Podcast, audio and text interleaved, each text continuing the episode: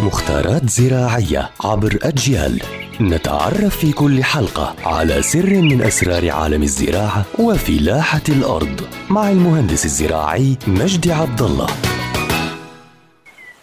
يعطيكم ألف عافية. أهلا بكل متابعي ومتابعات أجيال عبر منصاتها المختلفة. نحكي اليوم عن موضوع مهم وضروري وهو الري موعده وطريقة الري. الري مهم وضروري لأي نبات سواء كان نبات زيني سواء كان لشجرة المزروعة عندي خارج البيت. فما هي موعد الري وما هي طريقة الري. بالنسبة للأشجار الموجودة خارج المنزل دائما مثل الحمضيات مثل التفاحيات يفضل دائما في الصيف ريها كل أسبوع مع فحص التربة. ليش بنقول فحص التربة؟ إنه أحيانا تيجي شمس حارقة وتيجي درجة حرارة عالية.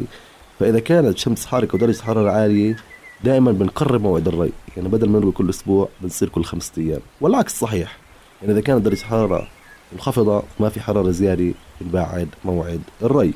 في الشتاء النباتات أو الأشجار الموجودة خارج البيوت ما تروى لأنه مياه المطر كفيلة.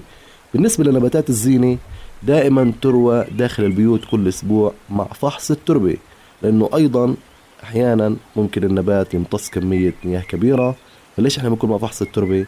لأنه عملية فحص التربة بتنبهني هل النبات بحاجة أو لا. طبعا عملية فحص التربة بتكون بوضع الإبهام بمقدار 5 سم في التربة فإذا كان في رطوبة ما بروي أبدا أبدا هذا النبات. فالري مهم وضروري لكل النباتات ولكل الأشجار الموجودة عندي سواء كانت خارج المنزل أو داخل المنزل. هذا هو موضوعنا اليوم. إن شاء الله رب تكونوا استفدتوا ويعطيكم ألف عافية.